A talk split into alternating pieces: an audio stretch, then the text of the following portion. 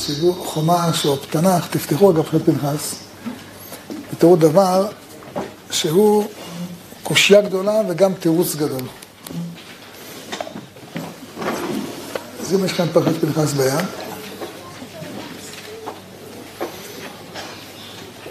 תראו שהפרשה מתחילה בכך שיש, השם מצווה את משה על, מלאכת, על אה, מלחמת מדיין,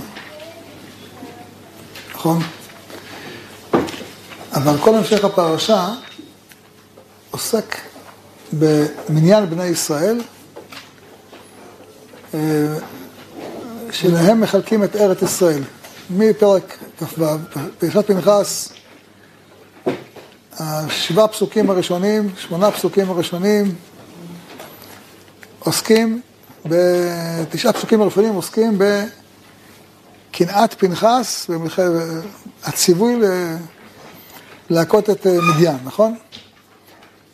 אבל מיד אחר כך, מתחילת פרק כ"ו, יש לך תיאור, תיאור ארוך של אה, מניין בני ישראל, ובפסוק נ"ג כתוב, כל המניין הזה הוא לצורך חלוקת הארץ, לאלה תחלק הארץ בנחלה במספר שמות, ואלו פקודי הלוויים. אה, בנות צלופחד זה קשור לנחלת הארץ, אה, והאמירה למשה רבנו, אתה לא נאכל את הארץ, יהושע כן נאכל את הארץ, בזה מסתיים פרק כ"ז, נכון? זאת אומרת, פרק כ"ו, פרק כ"ז, שני פרקים עוסקים בנחלת הארץ. פרק כ"ח, מה עוסק?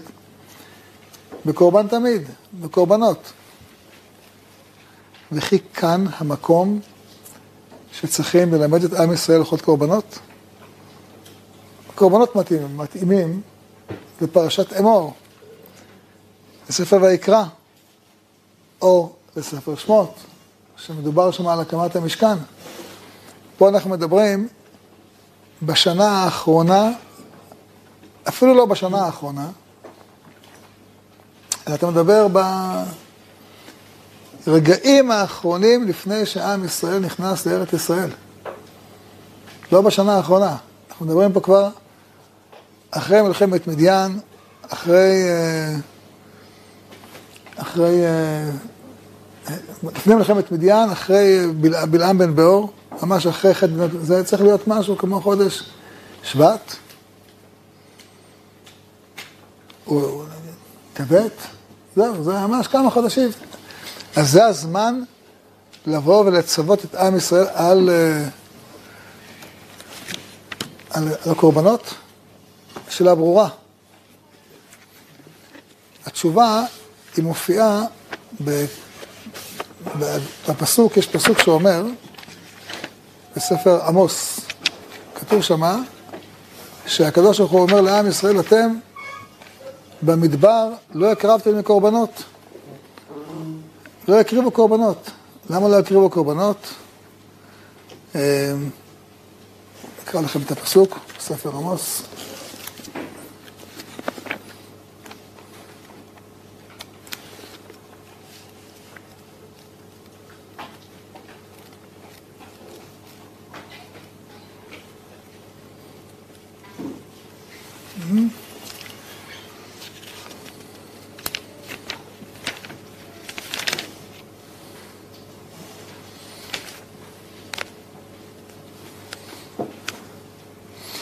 הזבחים ממנחה הגשתי אני במדבר ארבעים שנה בית ישראל?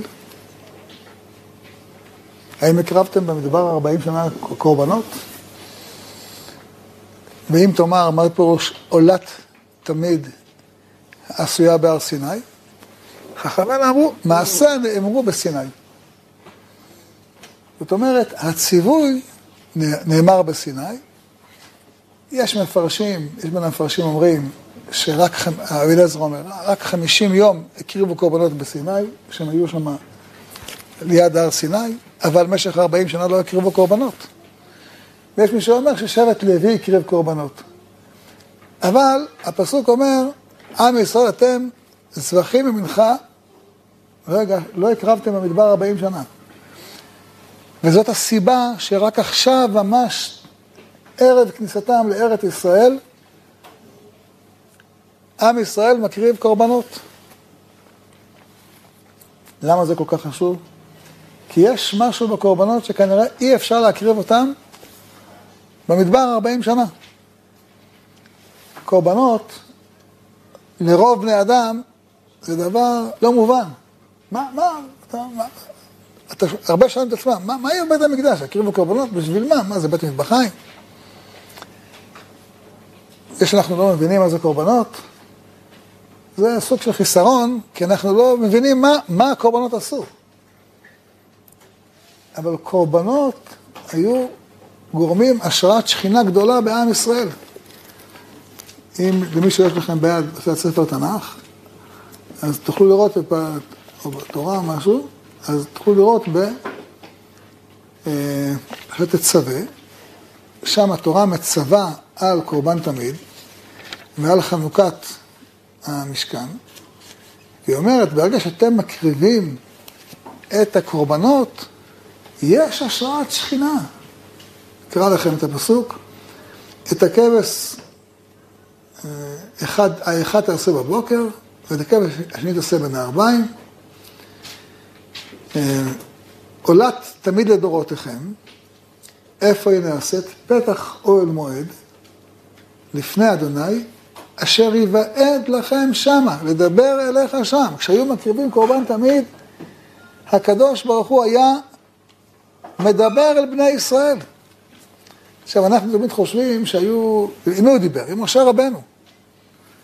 הפסוק אומר, לא רק אליך, ונועדתי שם לבני ישראל. כל עם ישראל היה זוכה להתוועדות של הקדוש ברוך הוא בעקבות הקורבנות, במיוחד קורבן תמיד, ונקדש בכבודי. ובשביל זה קידשתי את עול מועד ואת המזבח ואת הארון ואת בניו, אקדש לך אין לי. ושכנתי בתוך בני ישראל, והייתי להם לאלוהים, וידעו כי אני אדוני אלוהיהם, אשר הוצאת אותם מארץ מצרים, ושוכני בתוכם אני אדוני אלוהיהם. כל המדרגה הזאת שקדוש ברוך הוא מתוועד לעם ישראל ומדבר איתם, לא הייתה במדבר 40 שנה. אפילו משה רבנו, כל התקופה של ה-40 שנה שהייתה בין uh, מתן תורה לבין כניסתם לארץ, נסתלק ממנו הדיבור. לא היה קורבן תמיד, לא היה דיבור, לא היה דיבור של הקדוש ברוך הוא עם משה.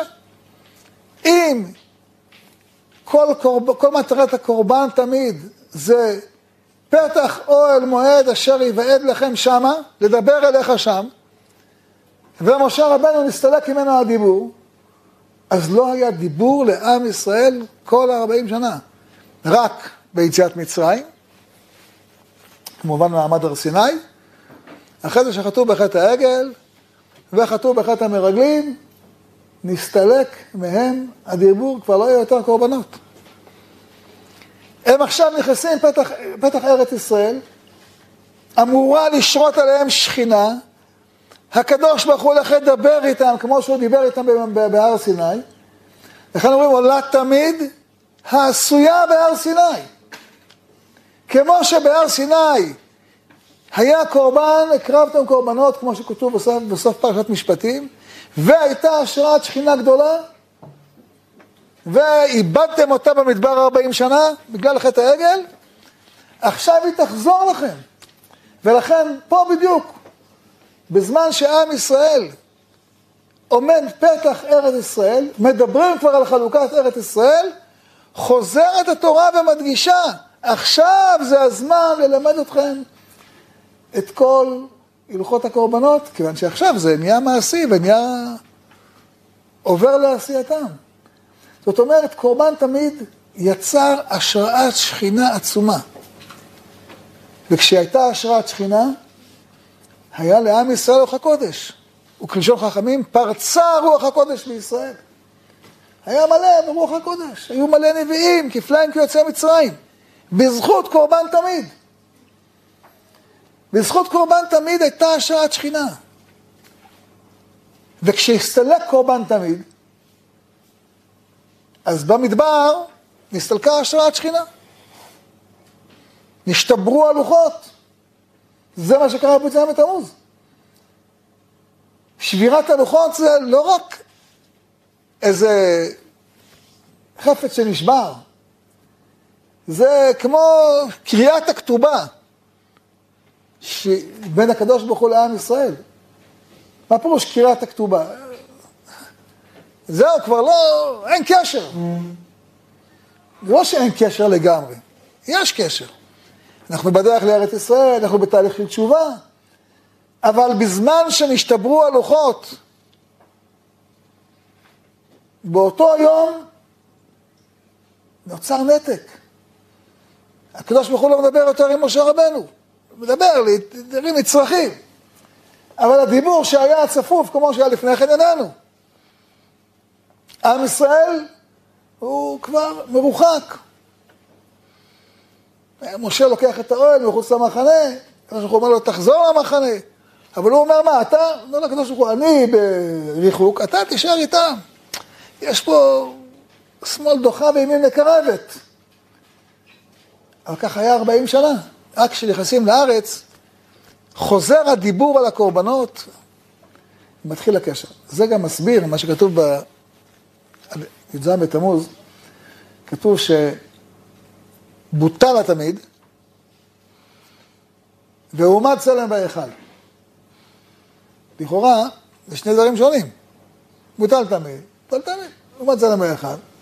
אז הגמרא אומרת במסכת תענית, שזה בא ביחד. למה? פעמיים בספר דניאל, כשדניאל בא לחשב את זמן הגלות וזמן הגאולה, אז אה, דניאל עושה את החשבון מתאריך, מאיזה תאריך הוא עושה את זה?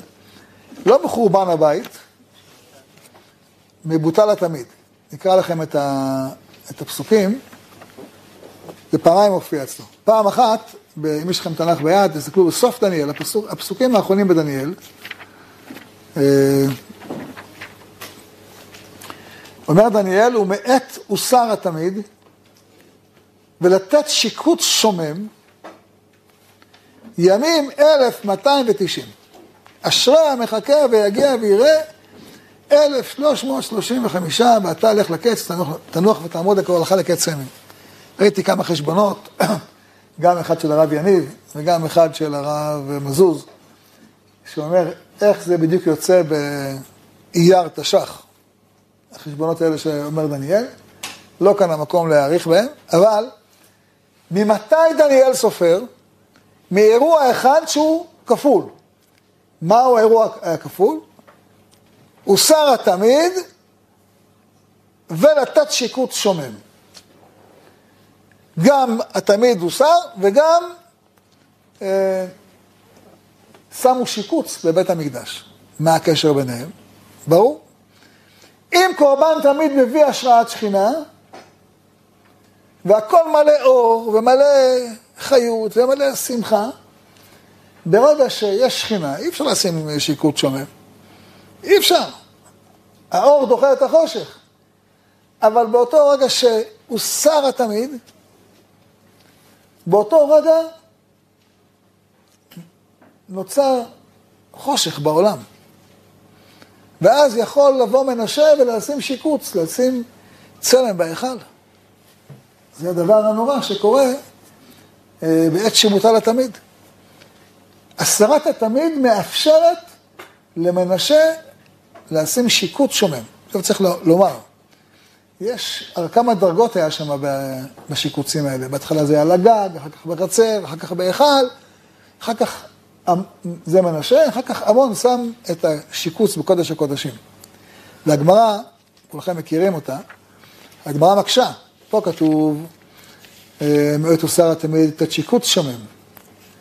ולפני כן דניאל הוא אומר אה, שיש לא שיקוץ אחד, אלא שני שיקוצים. אקרא לכם את הפסוק.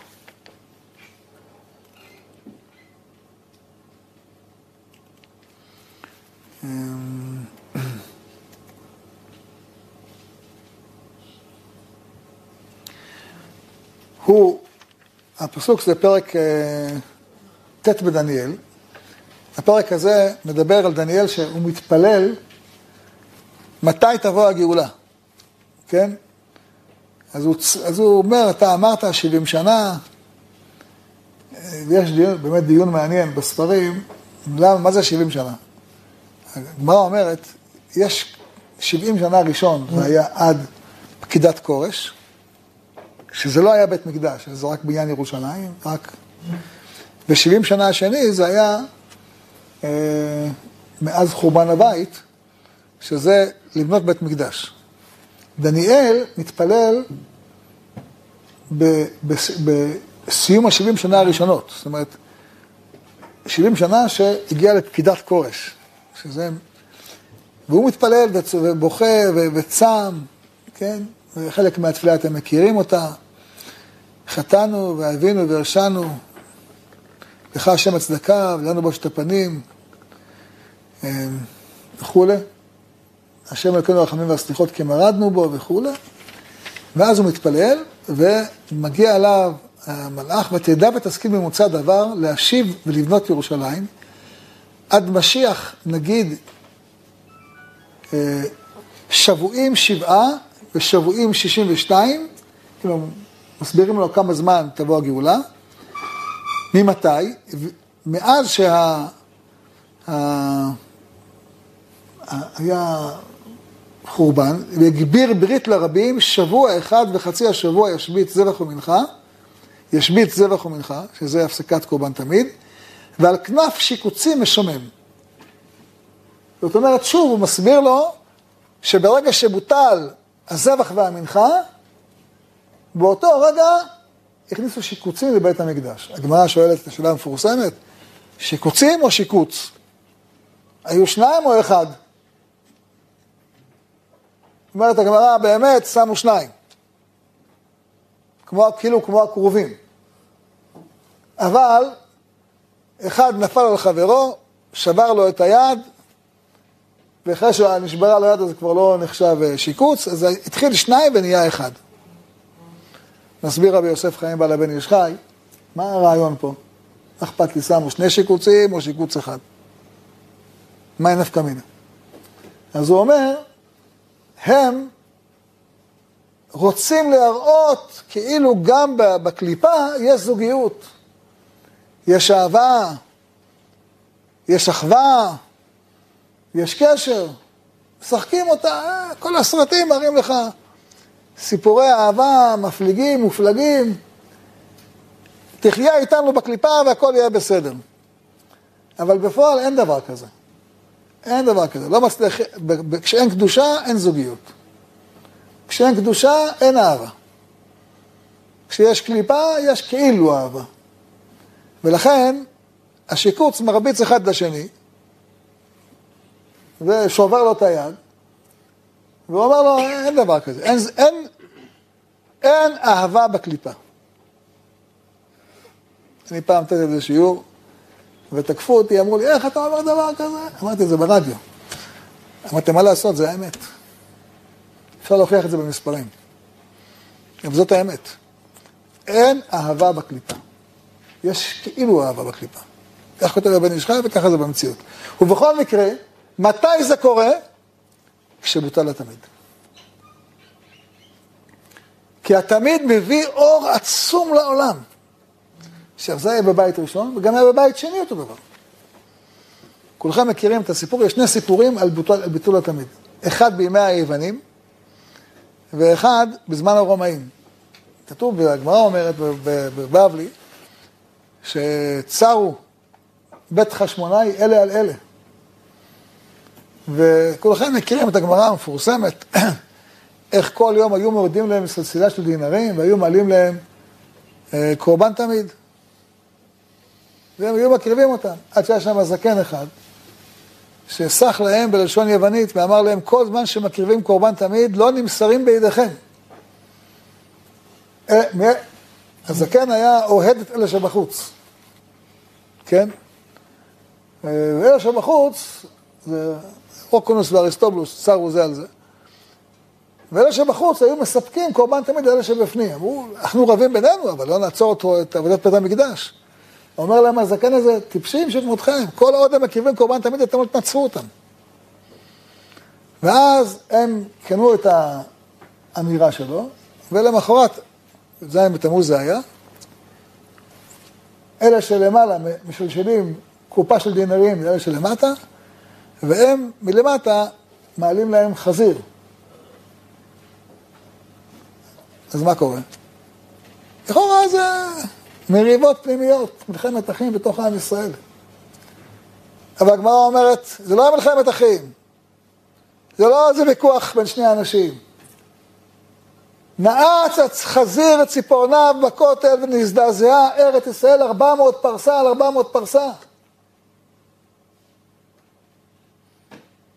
הוויכוח הזה ביניכם הפך להיות נעיצת חזיר ציפורניו בחומות ירושלים.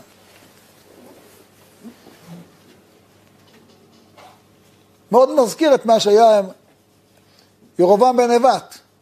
הרי ירובעם בן נבט היה צדיק גדול. הגמרא אומרת, אה, התורה שלו הייתה נופת סופי. חידושים שלו שמעתם אוזן. כל חכמי ישראל חשובים לפניו כעשבי השדה. אבל כשיש לו ויכוח עם אה, מלכות בית דוד, במקרה זה עם רחבעם בן שלמה, אז הוויכוח הזה ביניהם גורם פירוד. איש לא הולך לישראל. או, כל אחד אומר, אנחנו, מה לנו, מה לנו נחלה בדוד, לא, לא רוצים את בת ישי, לא רוצים את דוד, אנחנו לא עוזבים את השם חלילה, רק עוזבים את מלכות בית דוד. זה היה הדיבור. אבל כל אחד יודע מה קרה אחר כך. אומרת הגמרא, אל תקראי איש לאהוליך ישראל, אלא איש לאלוהיך ישראל. הפירוד ביניהם יצר את העבודה הזרה הכי קשה שיש. שתי העגלים של ירומם בן נבט. אחד בדן, אחד בבית אל. גם פה. הפסקת הקרבת קורבן תמיד בבית שני יצרה בסוף חורבן בית מקדש, אבל בדרך את זה שמעלים להם חזיר והוא נועט את ציפורניו בכותל, בחומות ירושלים, והארץ מזדעזעת. מה זאת הארץ מזדעזעת? מזדעזעת, אם האדמה רועדת, כל הבתים נחלשים. היסודות מת, מת, מתרועעים. העוצמה של ישראל היא כבר לא כמו שהייתה לפני כן. ואז מגיע טיטוס ואספסיאנוס, ואוסף אותם כאסוף ביצים עזובות. איך יצאה בת קול ואמרה לו? בית שרוף שרפת, קמח טחון טחנת, נכון? מתי הבית נשרף? רוחנית, נשרף באותו יום. שהנאית, שהח, שהחזיר נעץ את ציפורניו בחומות ירושלים, הם הזדעזעו. זה קורה כשהם לא מקריבים קורבן תמיד. אז אתה אומר, מה זה קורבן תמיד? שחטו כבש. זה לא שחטו כבש. תפתח את העיניים, תראה מה קורה פה. זה השראת שכינה. השראת שכינה. מה קורה עוד באותו יום? הגמרא אומרת שבית המקדש נקרא בית יער הלבנון. למה? מכיוון שכל העצים שהיו בבית המקדש היו פורחים, כמו מטה אהרון. מטה אהרון, נכון, פרח. למה פרח? כי השם בחר בו. השם בחר בו, אז מטה אהרון פרח. מה פירוש? שורה השכינה, אז כל דבר דומם הופך להיות חי, כמו שהיה בהר סיני. הר סיני היה כולו מלא חיים. ירוק כולו, לכן אנחנו מקשטים את הבית בירוק בחג השבועות. למה? כי כל ההר היה ירוק. לכן אמרו לו ששום בהמה לא תראה בהר. יש שם את הנהר יוצא משם, לא זרזיף של מים. כשעם ישראל נמצא ברפידים ורוצה מים, ומשה רבנו הולך להר חורב, שהיה בהתחלה לגמרי כולו חורב ויבש, וכששורה עליו שכינה הוא מתמלא חיות, והסלע שם נותן מים, וזה לא מים מים, זה נהר, נהר, הנהר, הנהר הכי גדול שאתם מכירים. צי אדיר לא יעברנו, כי הכל מלא חיות, זה בית המקדש, בהר סיני. אותו דבר היה בבית המקדש, הכל היה מלא חיות. יש שם, עצי השיטים שהיו בבית המקדש, היו נותנים פירות. היה שם, הגמרא אומרת, גפן מזהב, הייתה נותנת פירות. איך זה? לא נתפס. לא נתפס לנו בראש איך דבר דומם או עץ שכבר מת יכול לפרוח. אבל זה מה שהיה בית המקדש. עד שנכנסו נוכרים להיכל. מתי נכנסו נוכרים להיכל? י"ז בתמוז, כשמנשה שם את הצלם בהיכל. מאותו רגע, בית מקדש הופך להיות עצים ואבנים. כלומר, אומרת, עתיד הקדוש ברוך הוא להחזירה לנו את המדרגה הרוחנית הזאת, שהכל מלא חיות, מלא חיים. הכל צומח, ירעש כלבנון פריו. ככה זה הפסוק שהגמרא אומרת אותו. שזה כל מקדש היה כולו מלא. מתי? יש תמיד, יש נועדתי לכם שם, יש נקדש בכבודי, יש השראת שכינה, אז כל הקליפות בעולם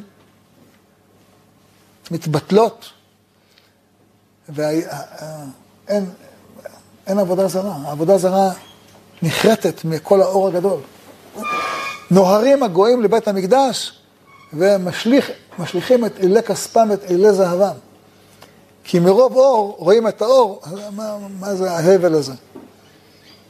מה זה ההבל הגדול הזה? אדם, אבל כש... ברגע שיורד קרנה של ישראל, יורד האור הגדול הזה, אז באים חצופים ומעיזים ל... ל... לשים צלם בהיכל, שיקוץ משומם. איזשהו שיקוץ מלא שממה, במקום שיהיה חיות, יש שממה. זה מה שקרה בי"ז בתמוז. זה חלק מהדברים שקרו בי"ז בתמוז. אני אומר את הדברים האלה כדי שנבין, אנחנו לפעמים לא יודעים לצייר לעצמנו מה זה בית מקדש. לא יודעים לצייר. אז, אז לא יודעים לצייר, אז פחות משתוקקים אליו. פחות משתוקקים, אז פחות מגיע. צריך לדעת שמבחינת הקדוש ברוך הוא, זמן הגאולה כבר הגיע מזמן. כבר מזמן הגיע זמן הגאולה. כך כותב אור החיים הקדוש. הוא אומר, מצד הקדוש ברוך הוא, הגיע זמן הגאולה. מה הבעיה עדיין? זה אנחנו, שאנחנו עדיין לא מספיק מוכנים. אבל מצידו יש זמן הגאולה. מתי אנחנו נהיה מוכנים? כי רצו עבדיך את אבניה ואת העפרה יוכלו, כשנרצה. כשנרצה זה יקרה. אני רוצה רק להסביר קצת, אור החיים זה היה שבוע. אור החיים הקדוש ניסה לעלות לארץ ישראל בשנת תק"ב. בשנת תק"ג היה לו ישיבה בירושלים. אור החיים הקדוש, אה, כמה אנשים נקראו קדושים? בודדים. אחד מהם זהו. והוא עולה לארץ ישראל, כמה עולים איתו? שלושים איש? לא. זה מה שעולים איתו. את הצפה, אור החיים הקדוש, כל יהדות מרוקו תבוא אחריו. לא. הבעל שם טוב אומר עליו שהוא רוח דוד המלך דאצילות. נו, רוח דוד המלך לאצילות, יאללה, רוץ, כולם ירוצו אחריו. אבל גם הבעל שם טוב שעולה לארץ ישראל, מנסה לעלות לארץ ישראל. אור החיים מצליח, הבעל שם טוב לא מצליח. הוא מאבד את כל המוחין שלו, הופך להיות כמו בור ועם הארץ חס ושלום. והוא לא אומר, אף על פי כן אני הולך לארץ ישראל. אבל אף אחד לא ראה אחריו. והוא עוד הגאון מווילנה, והוא אומר, טוב, אז אני אעלה לארץ ישראל. אבל גם אחריו אף אחד לא מגיע. אפילו אשתו לא איתו. ובא רבי נחמן, הנכד של הבעל שם טוב לארץ ישראל. רבי נחמן, קודש קודשים, נכון? אומן. כמה הלכו אחרי רבי נחמן לארץ ישראל? כלום. איפה כל החסידים שלו? רבי נחמן. מילא הבעל שם טוב, אבל רבי נחמן. אני אומר את זה בבדיחותא כמובן, כן? עם ישראל, יש לו אפשרות להגיע לארץ ישראל, והוא לא הולך לארץ ישראל. לא מעניין אותו. לא מעניין אותו. הוא מתפלל כל יום לארץ ישראל, אבל בפועל הוא לא עולה. אז גם, גם, גם אור החיים לא יכול לשרוד בארץ ישראל. כי הגמרא אומרת, הפסוק אומר, בונה ירושלים השם, נדחי ישראל לכנס. מתי בונה ירושלים השם? כשיש קיבוץ גלויות, כשנדחה ישראל לכנס. אבל אם אור החיים מגיע לבד בירושלים, ומנסה לבנות את ירושלים, ונדחי ישראל לא מתכנסים, אז הוא לא שורד. ואחרי שמונה חודשים הוא נפטר. אי אפשר לשרוד בירושלים כשאין נדחי ישראל לכנס. אי אפשר. ירושלים נבנית כשנדחי ישראל לכנס. כששלושים אנשים באים עם אור החיים הקדוש, ולא שלוש מאות, שלושים אלף איש, או שלוש מאות אלף איש, אז הוא לא שורד בירושלים. הוא לא יכול לשרוד בירושלים. זאת אומרת, זה בסוף תלוי בנו. ולקח לנו הרבה מאוד זמן עד שאנחנו זזים. לא מצליחים... מתפעלים על ירושלים, הכל פתוח, כל הארץ שממה, מחכה לך, תעלה, תעלה, מי יפריע לך? מי מפריע לך לעלות? וגם אחרי שהייתה עלייה ראשונה, כמה יהודים עלו לארץ? מתוך מיליוני יהודים שבורחים מרוסיה ומאירופה באותם שנים, בודדים מגיעים לארץ.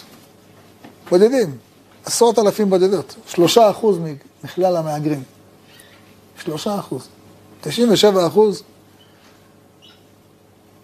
כי בחר השם בניו יורק. היווה למושב לו. בחר השם, בורחים, לא עולים. הקדוש ברוך הוא אומר, אני, אני פתח לכם את השערים, תבואו. לא באים. כי בסוף התעוררות שלנו. רצו עבדיך את אבניה ואת עפרה יוחננו. זה מה שקרה במעמד הר סיני. כלומר, קחו את התורה, אנחנו לא באים. באים רק כגיגית, אחר כך עושים עגל. אתם לא רוצים, לא צריך. אין דיבור לישראל. באים עם ישראל, נכנסים לארץ, יש להם ניסים גדולים. יריחו, נפלות חומות יריחו מרוב קדושה, מרוב תקיעת שופר, מרוב קדושה, כל הקליפה מתבטלת. כל הרשעה מתבטלת. אבל אחר כך הם נופלים. כל ימי שופטים. זה עבודה זרה. נופלים, רודים בהם, מנצלים אותם, עושקים אותם, בוזזים אותם. הם צריכים אה, לחוות חיטים בגת כדי שהעמלקים לא יבזזו להם את כל הרכוש. זה מה שקורה לעם ישראל. עד שהם מתחזקים ופותחים את הידיים לקבל את השפע האלוקי, ומקבלים שפע שאין כדוגמתו בימי דוד ושלמה. שפע עצום שאין כדוגמתו. וגם היום זה ככה. גם היום זה ככה. הרי זה י"ז בתמוז, מה זה י"ז בתמוז? אלוקים נותן לך את הלוחות הראשונים, הכי מהירים שבעולם, ואתה בוחר בעגל. מתי יתהפך י"ז בתמוז? שהקדוש ברוך הוא ייתן לנו את השפע, ואנחנו נבחר בשפע האלוקי ולא בעגל.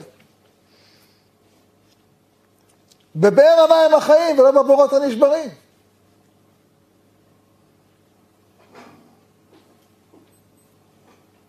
אנשים אולי לא מבינים את המשמעות, רק אספר לכם, דבר נורא, אבל ידוע. תראו, כל המהפכה הקומוניסטית שהייתה,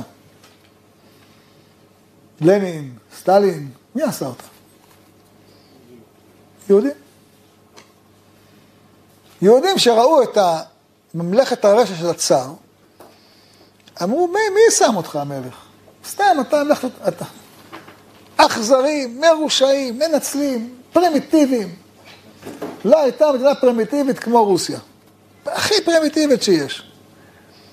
ואכזרית שאין כדוגמה, כן, דוגמה, אין, אין, אין, אין כדוגמתה. אז אומרים, בואו נעורר את העם הרוסי, ואמרוד בצער, ונעשה מלכות של צדק, שוויון, אחווה, שלום, צער. זה היה החלום. זה היה חלום. אבל מה, נשים, נשים יהודי שיהיה נשיא של רוסיה? זה לא ילך. קראו לי לנין. אחר כך אמרו, את מי נשים? היה אחד, קראו לו טרוצקי, אבל הוא יהודי. אז אמרו, נשים את סטלין. גוי, כדי שזה יעבור טוב, ייראה טוב בעיניים. מה עשה סטלין הזה? את כל היהודים האלה הרגו. כל היהודים האלה שעשו את המהפכה, הוא הרג אותם. יש לכם כזה כוח להקים אימפריה. למה אתם מרכיב אותה אצל הגויים? בסוף הורגים אתכם, תקימו אותה בירושלים. כמו שצריך. מה יצא מאימפריית הרשע הזאת?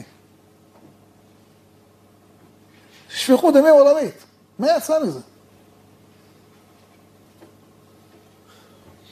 אלוקים נותן לך את האור הגדול שבעולם, ואתה הולך לחצוב באורות נשברים. עגל, אשר... זה מה שהיה בז' בתמוז. במקום לקבל את השפע האלוקי, בחרנו בתבנית שור אוכל עשר. גם היום זה ככה. לכל אורך ההיסטוריה זה ככה. אנחנו צריכים לדעת, לדעת לפתוח את הידיים ולקבל את השפע האלוקי. רק להזכיר עוד סיפור קטן, פלא, אבל סיפור. בסוף מלחמת העולם הראשונה, זה מאה שנים מהיום, לא הרבה. מצהירים מהבריטים הצהרת בלפור. האימפריה הבריטית, שהייתה האימפריה העולמית, אומרת לעם ישראל, קחו את ארץ ישראל מהים, ים התיכון, עד נהר פרת. אז, בימים ההם, לא היה ממלכת ירדן. לא היה בעולם. לא היה.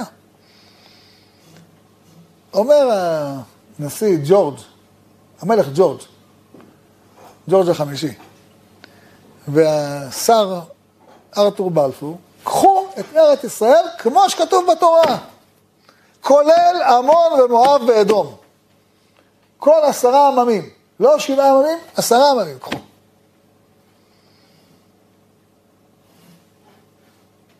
נו, מה היה צריך לקרות עכשיו?